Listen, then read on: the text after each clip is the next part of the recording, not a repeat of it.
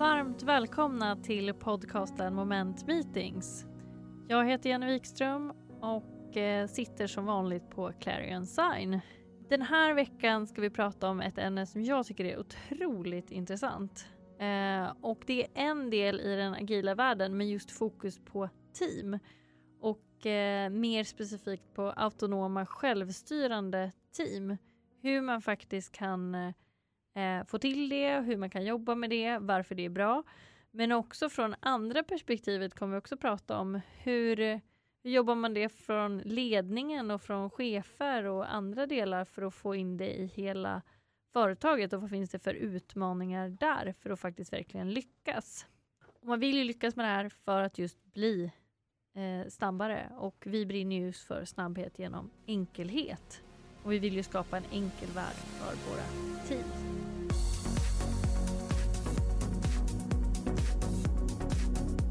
Och med mig idag har jag faktiskt två gäster just utifrån de här olika perspektiven. Dels har jag med mig Joakim Berg och eh, Jocke har jobbat med projekt eh, och som programledare sedan runt 2000 och agilledare sedan 2008, framförallt som Scrum Master. Och han har jobbat väldigt mycket liksom nära utvecklingsteam inom produkt och systemutveckling enligt de här agila värderingarna och principerna och brinner verkligen för teamets förmåga och kraft. Jocke kommer mycket med liksom teamperspektivet i dagens dialog. Sen har jag även med mig Anders Eklund och eh, Anders har jobbat som konsult inom projektsfären sedan 96 i olika roller, allt från projektledare, programledare, kravanalytiker, eh, men mest med att utveckla projektverksamheter. Eh, och han har jobbat både med chefer, team, projektledare i olika miljöer och många olika branscher och arbetssätt allt från klassisk utvecklingsmetodik till det agila.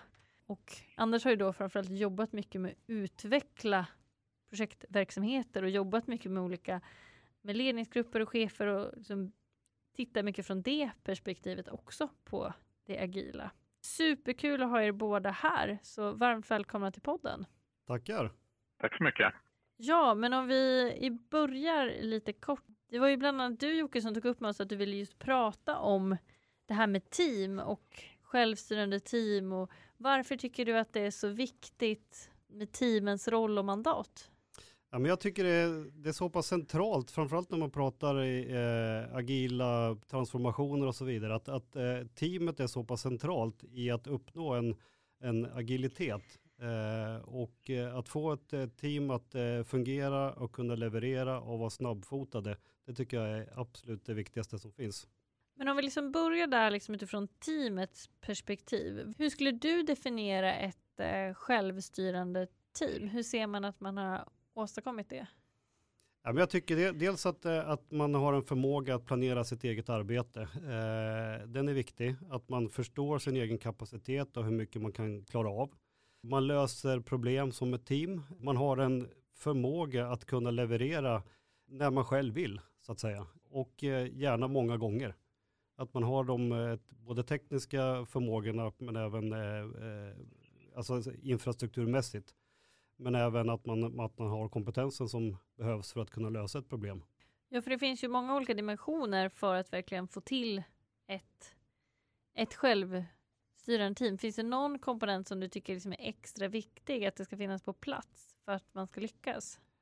Ja, dels är det ju att man, man, har en bra mix av, av kompetenser såklart. Eh, den är viktig. Men också att, eh, att man när man sätter ihop ett team, att teamet är fullallokerat om man säger så. Det vill säga att du, du delar inte din tid med andra team eller aktiviteter eller någonting sånt. Eh, och det, jag ser ju mycket att man, man jobbar ju med prioriteringar och eh, om man ska prioritera mellan team, då blir det väldigt konstigt. Så att eh, fokus är viktigt. Att man, man som team fokuserar på ett problemområde. Men om vi tittar där från dig Anders, vilket, vilket perspektiv har du med, eh, med team och varför tycker du att det är intressant med just hur man ska jobba effektivt med, med team? Team är ju, liksom, det är ju en organisationsleveransmaskin. Så att, eh, jag tycker att det är jätteviktigt att vi har fungerande team, att vi har samspel som fungerar mellan team också och eh, mellan team och eh, ska vi säga, ledningsnivån. Eh, för alla de här delarna, om man ser varje team är ju en komponent och de måste ju också fungera i en helhet.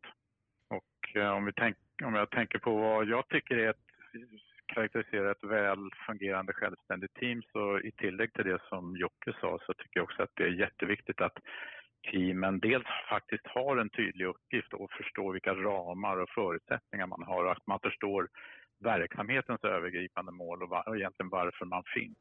Ja men precis, för där finns det en av de eh, riskfaktorerna som man ofta ser i självstyrande team, i alla fall från ledningens perspektiv, att teamen jobbar för självständigt och liksom definierar sina egna riktlinjer. Hur säkerställer man att, att teamen jobbar med rätt saker och att det blir en transparens i bolaget över liksom vad som är viktigt? Där tycker jag att mål är bland det viktigaste. Eh, många ledningar förvånansvärt dåliga på att kommunicera ut sina mål och avsikter till organisationen. Ja. Uh, och det, där kan jag se ett behov av att man blir bättre på det och verkligen uh, förmår, lär sig, tränar på att kommunicera uh, vad man vill med verksamheten och vilka mål man strävar emot. För det är för mig en av grundförutsättningarna för självorganiserande team. Förstår jag vart vi är på väg så kan jag ta rätt beslut. Ja, om man ska lägga till någonting där också, jag håller med, mål är jätteviktigt, men också det här att eh, enda, eh, hela teamet ska förstå nyttan gentemot, vad, vad är kunden? Eh, hur ska kunden eh, använda det här? Att man förstår eh, kundens perspektiv i, i, det man gör också. Eh, så kom, kombinerat med tydliga mål, absolut. Ja, för det gäller ju verkligen när man då tittar på ett helt självstyrande team att man ändå ska få ner de här decentraliserade besluten. Men då krävs det just att man både har den, den förmågan i kundförståelse men också liksom företagsvisionen och vilket håll man vill driva hela bolaget och hur man vill utvecklas. Ja men absolut, jag har ju ett, ett, något exempel där man faktiskt har med teamet när man träffar kunden och, och beställaren, att eh, man går igenom det man ska göra med beställaren och att eh, teamet kan komma med egna förslag och inspel på, på det som ska göras och, och ha en direkt dialog med kunden. Jätteviktigt. Mm, det håller jag verkligen med om. Det ska vara så få led mellan team och kund, om, no, om ens några, som, som det bara är möjligt.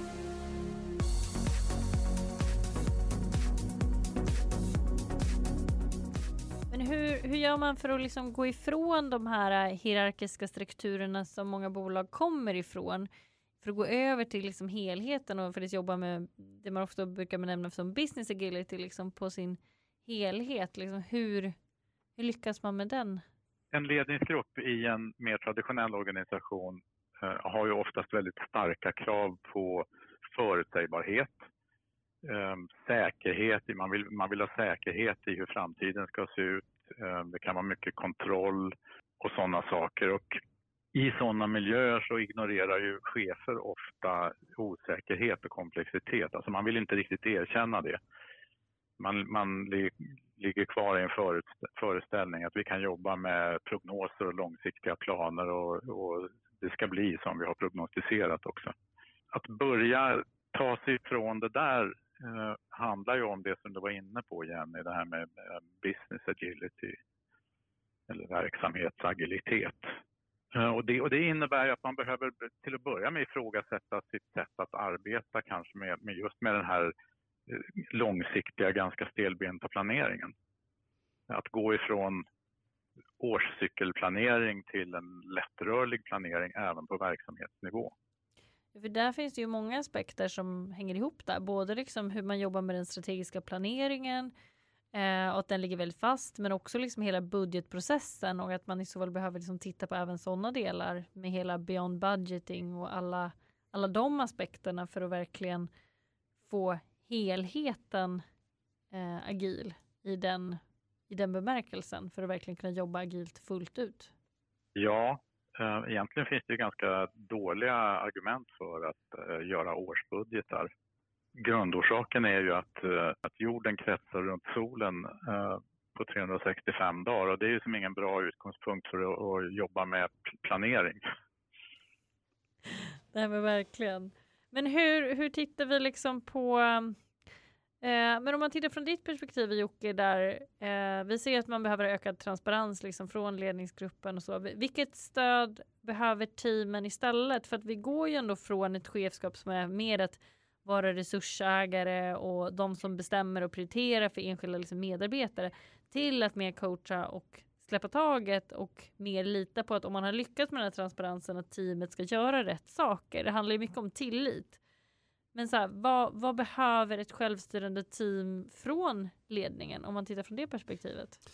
Ja, men det, det är många saker. Du var inne på den här eh, sociala tryggheten såklart och det, det är ju lätt att säga, men det kräver ju ett visst arbete att, eh, att eh, utbildning, det kan vara träning i olika former för, att för att uppnå den här sociala tryggheten, att man vågar säga sin mening och, och ta, ta eh, utgångspunkt i eh, vad man ska göra och så vidare. Men sen är det ju även, alltså det finns ju tekniska förmågor också. Hur kan man hjälpa teamet att kunna leverera?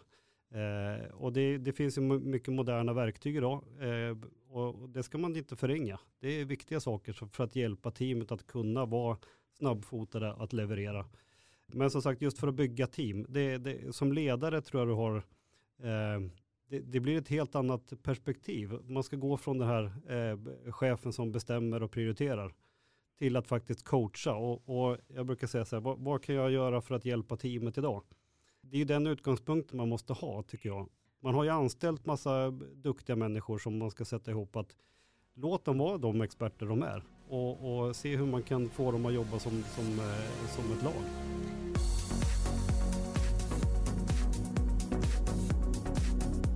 Några så konkreta exempel på vad, så konkreta actions som, som du brukar göra för att liksom hjälpa teamet? Vad brukar teamet behöva hjälp med? Liksom, vilka områden? Eh, nej, men jag tror att det, det, är viktigt att hjälpa teamen i, att eh, identifiera de problem som finns och att man inte, man hjälper dem inte genom att göra det åt dem utan att peka i rätt riktning och så får de försöka själva. Det brukar funka ganska bra. Det är svårt, det tar lite extra tid i början, men eh, jag tror ändå att det, det är den vägen man måste gå. Sen är det ju som sagt tekniska förmågor, infrastruktur, alltså vad, vad har man för verktyg? Det är också jätteviktigt. Eh, att man, man, kan hjälpa teamen med, med sådana saker. Jag tycker också att det är jätteviktigt att cheferna eh, arbetar med miljön runt omkring teamen och skapar rätt förutsättningar. Har du några eh, konkreta det... exempel på hur du, hur du tänker där? Liksom, vilka typer av förutsättningar ser du är viktiga att det finns? Till exempel det vi var inne på förut, att man, att man eh, slutar arbeta uppifrån med eh, långsiktiga planer som, som ses som eh, ristade i sten. Att man går ifrån, att man, att man anpassar även styrningen av, av eh, företaget eller organisationen efter det agila. Eh, och att man skapar också förutsättningar för team att kunna samverka med varandra till exempel i den mån de inte eh, kan göra det själva. Att man, att man röjer väg, att man förenklar saker, att man plockar bort eh, formalia kanske, processer och sånt som, som inte tillför så mycket mervärde. Ja, men det, det, det, där håller jag med om och jag har lite, sett lite exempel eh, runt det där. Man, man, är väldigt snabb med att eh, eh, skapa team. Man sätter ihop några glada gubbar och gummor eh, och som ska lösa ett problem ihop. Och sen lämnar man dem vinst för våg att de ska planera nästa sprint eller nästa inkrement eller vad det nu kan vara. Utan att ge verktyg eller, eller, eller eh, förutsättningar för att göra det. Utan man fokuserar snarare på, på de här formalia ceremonierna ovanför som egentligen inte tillför så mycket värde. Eh, och en annan sak som, som man också lite grann går bort, du var inne på det Anders, att, att man tar bort de här formalia sakerna som, som hindrar. Och, och jag menar det kan vara att någon annan utanför teamet ska godkänna en leverans. Då blir man inte speciellt snabb om inte teamet kan leverera själva. Eh, mm. Så att undanröja sådana hinder som gör att man snabbare kan leverera. Och funkar det här så, så jag har ju sett där team har eh, levererat saker ut i produktion och så upptäcker man, eh, man får in en incident och en timme senare så är en rättning ute i produktion. Så att det går. Eh, och, och, det är där de här tekniska hjälpmedlen kommer in som kan underlätta en, en om man nu ska, måste ha en godkännande process av compliance-skäl eller, eller vad det nu kan vara, så finns det verktyg som hjälper till att automatisera sådana saker som gör att det går mycket, mycket snabbare. Men det är ju spännande att liksom det finns så mycket möjligheter. Men du nämnde liksom innan när vi pratade om det här just att ledningen underskattar betydelsen av fungerande autonoma team. Hur, hur tänker du där? Vad är det du har sett? Nej, men det, jag var lite inne på det, att man, det är lätt att sätta ihop ett team. Men det blir inte ett team bara för att man sätter ihop en grupp människor. Man behöver jobba ganska mycket med eh, teamdynamik, tycker jag. Det är, titta på vilket fotbollslag som helst. Eh, sätter man ihop eh, elva spelare, visst de kan spela fotboll men de kanske inte blir speciellt bra förrän man har tränat några gånger. Samma sak med team eh, in, in, inom vilken verksamhet som helst. Eh, man måste träna. Och eh, det är just när mjuka faktorer som spelar in. Att man ska lära känna varandra, man ska veta vem som är bra på vad och det, allt möjligt. Och det, det här tror jag att eh, en chef och ledare får en mycket större roll eh, än vad man har haft tidigare. Eh, att vara aktiv i att bygga teamet så att säga. Och det är teamdynamik det handlar om. Ja, för det känns som att det blir ännu viktigare just för att teamet måste jobba så tajt tillsammans och de måste leverera tillsammans och hela tiden ha väldigt samsyn inom teamet också. Ja, och komma till den sociala tryggheten som man faktiskt är ute efter. Att man vågar säga ifrån, att man vågar eh, säga sin mening, att eh, ha olika åsikter om saker och ting, att man löser konflikter inom teamet. Eh, och konflikter behöver inte betyda att man slåss, utan man har olika åsikter som man löser. Och det, ibland får man acceptera, ibland så blir det som någon annan tycker. Det, det är bara så. Det där förhållningssättet gäller ju även mellan eh, teamen och eh, chefer. Ja, men precis. Kan du inte utveckla det lite? Hur, hur ser du på den relationen? Ja, det kan jag väl göra. Eh, precis som Jocke beskrev här, som situationen hur vi kan lösa konflikter inom team och att det är högt i tak, så behöver vi ha det mellan chefer och team också. Ja, det vill säga, vi måste som team ha rätt att säga ifrån när vi, när vi uppfattar att vi inte, vi inte kan lösa en uppgift, eh, leverera någonting eller vad det nu är, i enlighet med förväntningar.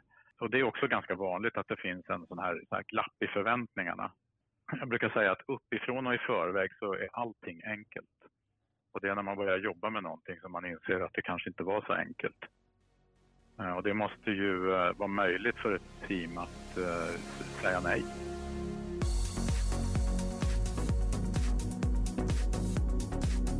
Hur, hur jobbar man med, ehm, med den delen just för att Tidigare har det varit så mycket fokus på liksom kontroll och att man har liksom styrt väldigt hårt medan nu ska man ju släppa det mer fritt. Liksom, hur jobbar man för att ledning och chefer ska, ska släppa den kontrollen och samtidigt då för teamen att hur de ska ta det ansvaret. Då måste ju mycket delar komma från teamet istället. Att de behöver ju se till vad som går, vad som inte går, komma med feedback. Det, det du pratar nu om Anders, alltså då förväntar man sig istället en återkoppling från teamet vad som är möjligt och inte och ifall man har upptäckt någonting som är mer eh, komplext. Men hur hittar man den tilliten så man kan släppa kontrollen och ta ökat ansvar? Ja, men jag, det, det är mycket det här att eh, teamen måste ju förstå sin egen kapacitet och det gör man ju inte i en handvändning. Eh, men eh, jag har gjort så många gånger att man, man, börjar någonstans och så får teamet själva mäta. Om det nu är story points eller vad det nu är man, man mäter, men att man mäter och visualiserar för sig själva framförallt. Eh, och eh, jag hade ett team en gång, de, de gjorde till någon liten eh, intern tävling faktiskt. Hur nära kom vi våra, våra, våra estimat eller vad vi trodde eh, den här gången? Och man missar ju såklart eh, flera gånger. Ibland missar man lite grann, ibland missar man ganska mycket. Och det var ju de själva då som, som eh, tog upp, ja, var, varför missade vi den här? Den här gången mm. så hade man en diskussion på retrospektet eller, eller vad det nu var, utvärderingen. Eh, varför gick det så här? Ja men det var si och så. Eh, och, alltså det, det är det här man, och då, då har man ändå ett team som har fungerat ihop ganska länge så att man känner ju den här tryggheten och så. Men det, det, det har man jobbat med ganska länge då. De, de gjorde till en egen liten match att mäta sig själva då. Och de var ganska duktiga på att tala om det här klarar vi, det här klarar vi inte. Och det är ju en väldigt stor trygghet eh, när man jobbar mer som ledare eller liksom i det. Jag själv har jobbat mycket nu som eh, mer en liknande produktägarroll och där vill man ju kunna bolla med teamet och man vill kunna liksom se vad som är möjligt och inte och när man tittar på liksom olika behov eh, så, så jag tycker alltid det är viktigast att få teamets input i vad de tycker är möjligt och inte, eller också deras återkoppling på att nej men vi tror att vi hellre kan lösa ditt problem utifrån grundbehovet på, på det här sättet eller det här sättet eller det här är de förmågorna vi kan leverera och då kan man vara med och stötta i, liksom, i prioriteringar. Vad är viktigt från ett verksamhetsperspektiv? Ja, jag håller helt med. Och sen så man bygger ett ömsesidigt förtroende också. Att eh, om, om teamet säger det här klarar vi av, då klarar de av det. Eh, och det här klarar vi inte av. Då, det, då, det är ju en, en sanning då, eller, alltså det blir tydligt. Och att man, man kan sätta förväntningar utifrån det då. Och eh, jag menar, säger man att man inte klarar av någonting så kan man ju ha en dialog om varför och, och eh, alternativ. Eh, och jag tror också att det, det bygger också ett ömsesidigt förtroende. Man litar på vad teamen säger och, och kan förhålla sig till det då. Det tycker mm. jag är mm. viktigt. Ja men verkligen, för annars är det risk att det blir en väldigt så negativ spiral ja. i att man hela tiden inte lever upp till de förväntningarna som finns uppifrån fast att man ändå aldrig haft förutsättningarna i teamet att lyckas. Precis, och jag vet inte hur många gånger man har hört ni ska leverera det här vid den tidpunkten. Utan att man överhuvudtaget har tittat på hur stort det är och hur lång tid det tar och vilka som ska göra jobbet och jada jada. Så att eh, jag tycker som sagt det, det, är jätteviktigt att man får alla aspekter på saker och ting innan man börjar säga att det här ska gå eller inte gå. Men hur gör man där? För den, den känner jag igen jättemycket från många ställen man har varit på. Just att man sätter oftast en fast tidpunkt. Vi ska leverera då och då.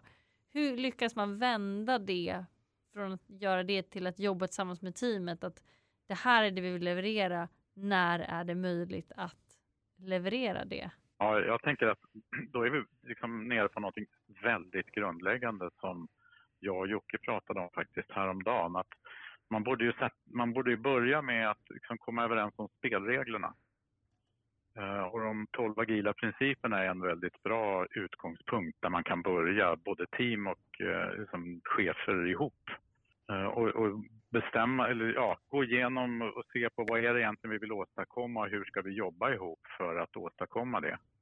Och där är ju det här ett exempel. Hur kommer vi ifrån? Jag kan i och för sig tänka mig att man sätter en tid. Det finns väl många situationer där vi faktiskt måste hålla en deadline. Men, men då måste man ju kunna vara flexibel med resten. Ja, men det, det håller jag helt med om. Och, och det där tror jag också man, man som ledare kan, kan hjälpa teamet. Jag har varit med om när man har fått en helt omöjlig deadline. Och men, men eh, då blir det ju till att eh, prata med kund eller vad man ska säga och, och, och laborera med innehållet. Och i det, här fallet, ja. i det här fallet så handlar det om att skära bort så mycket som möjligt. Så vad, vad är minimum viable product på riktigt? Mm. Precis. Eh, och, där, där, och där får man ju med, där kommer ju teamen in. Alltså teammedlemmarna får ju ge sin syn på hur lång tid hur mycket stort hur komplext det är och så vidare. Så att man, att man gemensamt kan komma fram till var drar man strecket någonstans.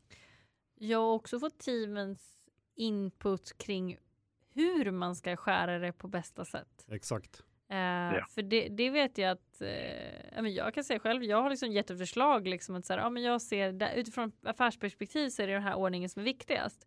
Men då har teamen kommit tillbaka till mig och sagt att så här, men Jenny, nummer ett och tre, de hänger ihop så mycket så det är bättre om vi levererar dem tillsammans. Mm. Och sen eh, nummer 2 och 7, de hänger ihop jättemycket så det är mycket bättre. Är det okej okay att vi levererar dem i de eh, bitarna istället? Och då kan man ju ha en dialog kring det. Ja, då har du ju en konstruktiv dialog. Exakt. Jätteviktigt. Och oftast så tycker man ju att det är bättre då, för då blir det mer effektivare och vi kan leverera mer värde eh, så snabbt som möjligt. Så man ändå skiljer på de delarna liksom utifrån ett affärsperspektiv så är det ändå den här prioriteringen men utifrån ett leveranseffektivitetsperspektiv så är det bättre att vi skär i de här leveranserna istället. Absolut. Men du, du satte uh, huvudet på spiken där, att det är en, det är en konstruktiv dialog. Mm. Där alla får säga sitt.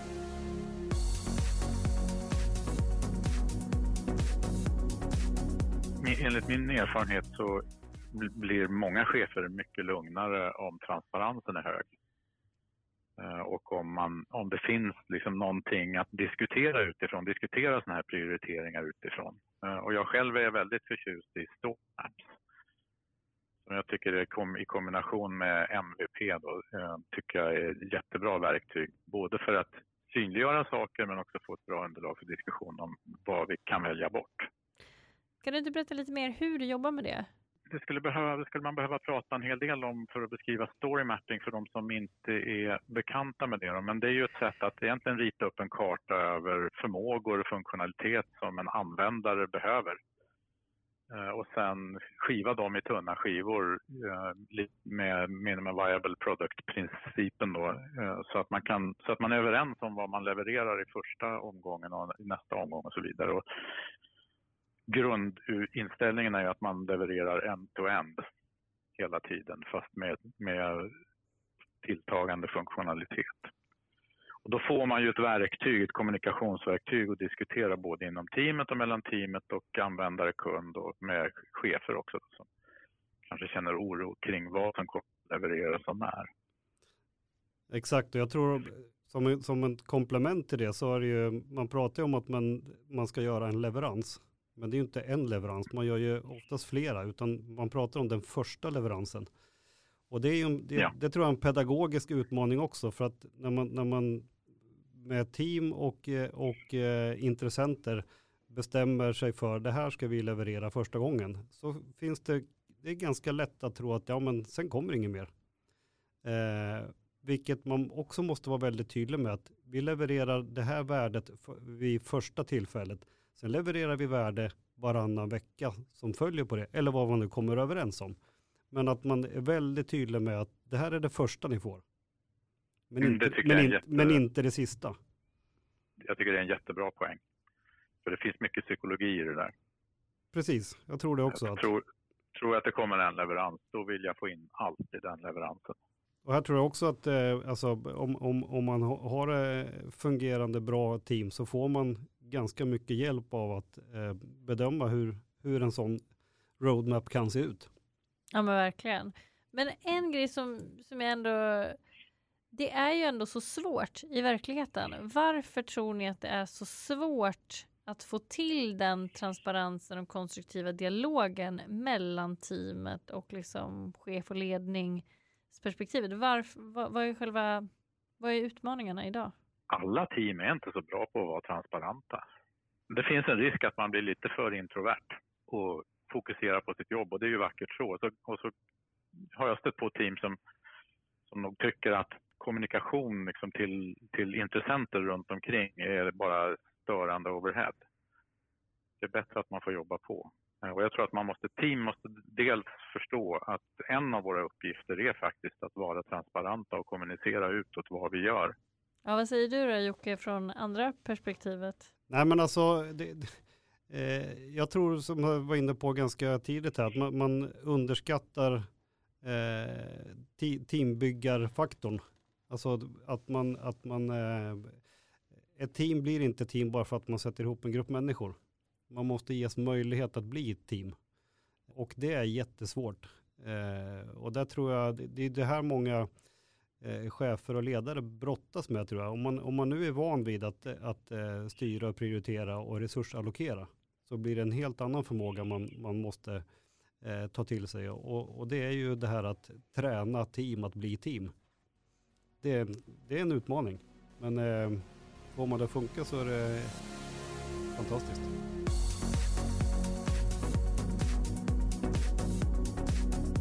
Jag måste ändå utmana dig där Anders. Jag tror att eh, åt andra hållet också. Att eh, visst att team ofta behöver bli bättre på att vara transparenta, men jag tror att det gäller minst lika mycket chef och ledning. Att man behöver vara ännu mer transparenta i vad man faktiskt vill åstadkomma. Så att det blir klart och tydligt på alla nivåer i vad man faktiskt vill åstadkomma där. Ja, men det, det håller jag verkligen med om. Eh, det är ju, generellt så underkommunicerar vi eh, åt alla håll, skulle jag säga, när det gäller sådana här frågor. Alltså det är så, ni måste vara duktiga faktiskt överkommunicera mål och avsikter. Mm, men hur, hur, lyckas man, hur lyckas man med det? Har ni några så bra exempel på, på ställen? Har ni några så konkreta tips på att ja, men hur får vi våra team att kommunicera mer och förstå att det faktiskt är en del av deras arbetsuppgifter som du var inne på, eh, ni båda två egentligen var inne på. Och hur får vi liksom kommunikationen från ledning, att man har en kontinuerlig konstruktiv dialog och en transparens i det. Hur, hur konkret kommer man dit eftersom det ändå är så pass utmanande? Jag, jag, brukar, jag brukar försöka göra det väldigt enkelt.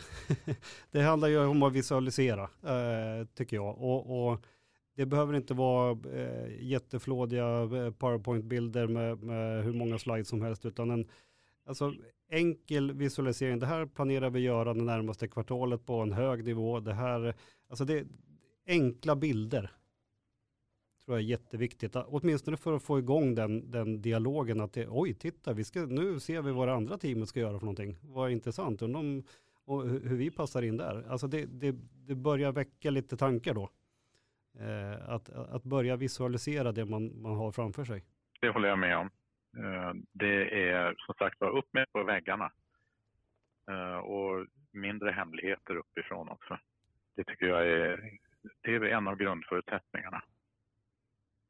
Eh, och jag vet inte hur det blir när vi kommer tillbaka ifrån, om vi någonsin kommer tillbaka till samma gamla arbetsmiljö som vi hade innan pandemin slog till. Det lär vi väl inte göra, men det är lätt att säga upp med sakerna på väggarna.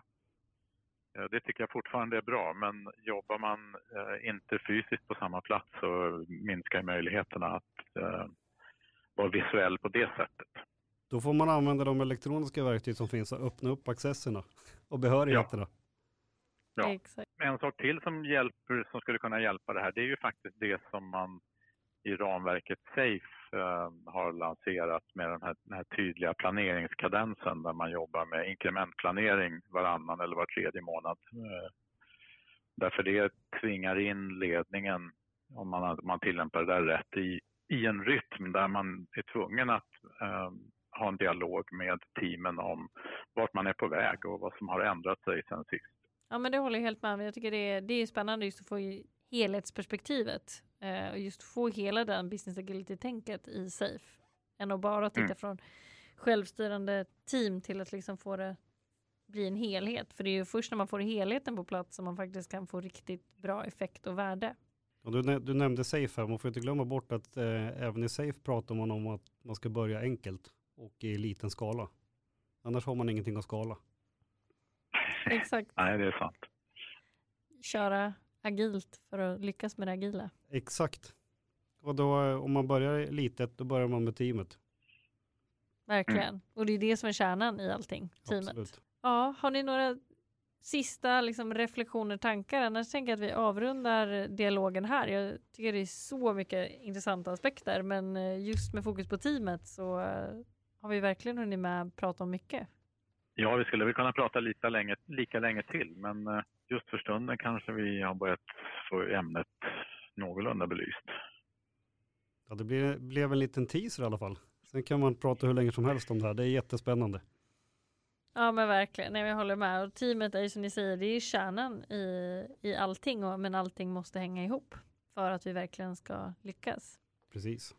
Men då tänker jag att vi kör de tre snabba som vi alltid kör här i podden. Att ni får utifrån tre påståenden eh, bestämma utifrån snabbhetsdimensionerna riktning, hastighet och förändringsförmåga vad ni vill väljer och varför.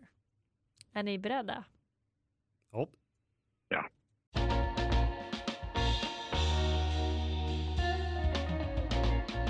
Då kör vi första då. Riktning. Uppåt eller framåt? Framåt. Ja, jag skulle nog också säga framåt. Några tankar kring varför ni tycker att det känns bättre med framåt? Ja, det är ju att titta framåt som man kan göra förändringar. Jag tror att för mig handlar det om att jag är väldigt rotad i flödestänk. Jag, tänk, jag, jag vill helst tänka i värdeströmmar och flöden och jag hoppas att de går framåt. Härligt. Då har vi då eh, hastighet då. En slapp eller aktiv semester? En aktivt slapp semester. ja, jag tror faktiskt att jag, om jag får sno ditt svar där Jocke, så gör jag det. Man måste ju varva golfrundorna med ett dopp i havet. Ja, det är tråkigt att bara ha en slapp semester. Man måste vara aktiv också, men det är, det är nödvändigt att vara slapp ibland. Så en helt enkelt en mix? Ja. bästa båda världar? Ja. Förändringsförmåga då? Kameleont eller påfågel? Oj, den var svår. Jag skulle nog säga kameleont faktiskt. Och det är för att jag nog ser, den, den är nog mer förändringsbenägen än en påfågel. Påfågel, ja, men den syns ju väldigt väl ändå. Liksom. Men eh, kameleonten är mer anpassningsbar. Ja, jag håller, nog, jag håller med där. Påfågeln prålar väl mest med sina fjädrar. Ja, kameleonten ändrar sig hela tiden efter miljön, så jag säger också kameleont. Härligt. Stort tack för att ni var med mig här i podden idag. Jättekul att få prata med er, både Jocke och Anders. Tack själv, det var jättekul att vara här. Tack själv, det var jättekul. Ja, avslutningsvis. Idag har vi ju pratat om eh, teamen och de, hur man får till självständiga team och vad som egentligen krävs. Så vi har pratat om det från två olika perspektiv, både utifrån teamets perspektiv och vad man har för behov där för att lyckas, men också från ett ledningsperspektiv. Vilka utmaningar och eh, vad förväntningarna finns där i hur man behöver jobba och ändra sig. Och det jag framförallt tar med mig är att det handlar ju mycket om kommunikation och transparent åt båda håll. I att som team så behöver man få kommunikation till sig kring vad är egentligen riktningen och strategin så att man kan jobba självständigt och man kan fatta egna beslut eh, och ändå få den tilliten. Eh, och som ledning så handlar det om att man då ska få transparens från teamet i hur man går och står, vad som är möjligt och inte, eh, vad man har för förutsättningar för att då skapa en tillit till ledningen så att man kan lita på teamets förmåga att leverera och lita på de leveranserna. Så att egentligen använda sig av kommunikation och transparens för att kunna skapa tillit. Eh, och att det är lika viktigt att ha tillit inom teamen som faktiskt har det inom hela bolaget. Att det måste genomsyra för att man ska kunna få en, en bra arbetsmiljö och då få också en effektivitet och få bättre leveranser. Så med det sagt, supermånga intressanta aspekter och det är ett otroligt, det låter ju så enkelt att få till men det är så svårt i verkligheten. Så det är jättekul att få höra era tankar kring eh, det här idag när jag fått prata med Jocke och Anders. Så jag hoppas att ni också tagit med er många delar idag. Och som vanligt, ta hand om er och ta hand om varandra.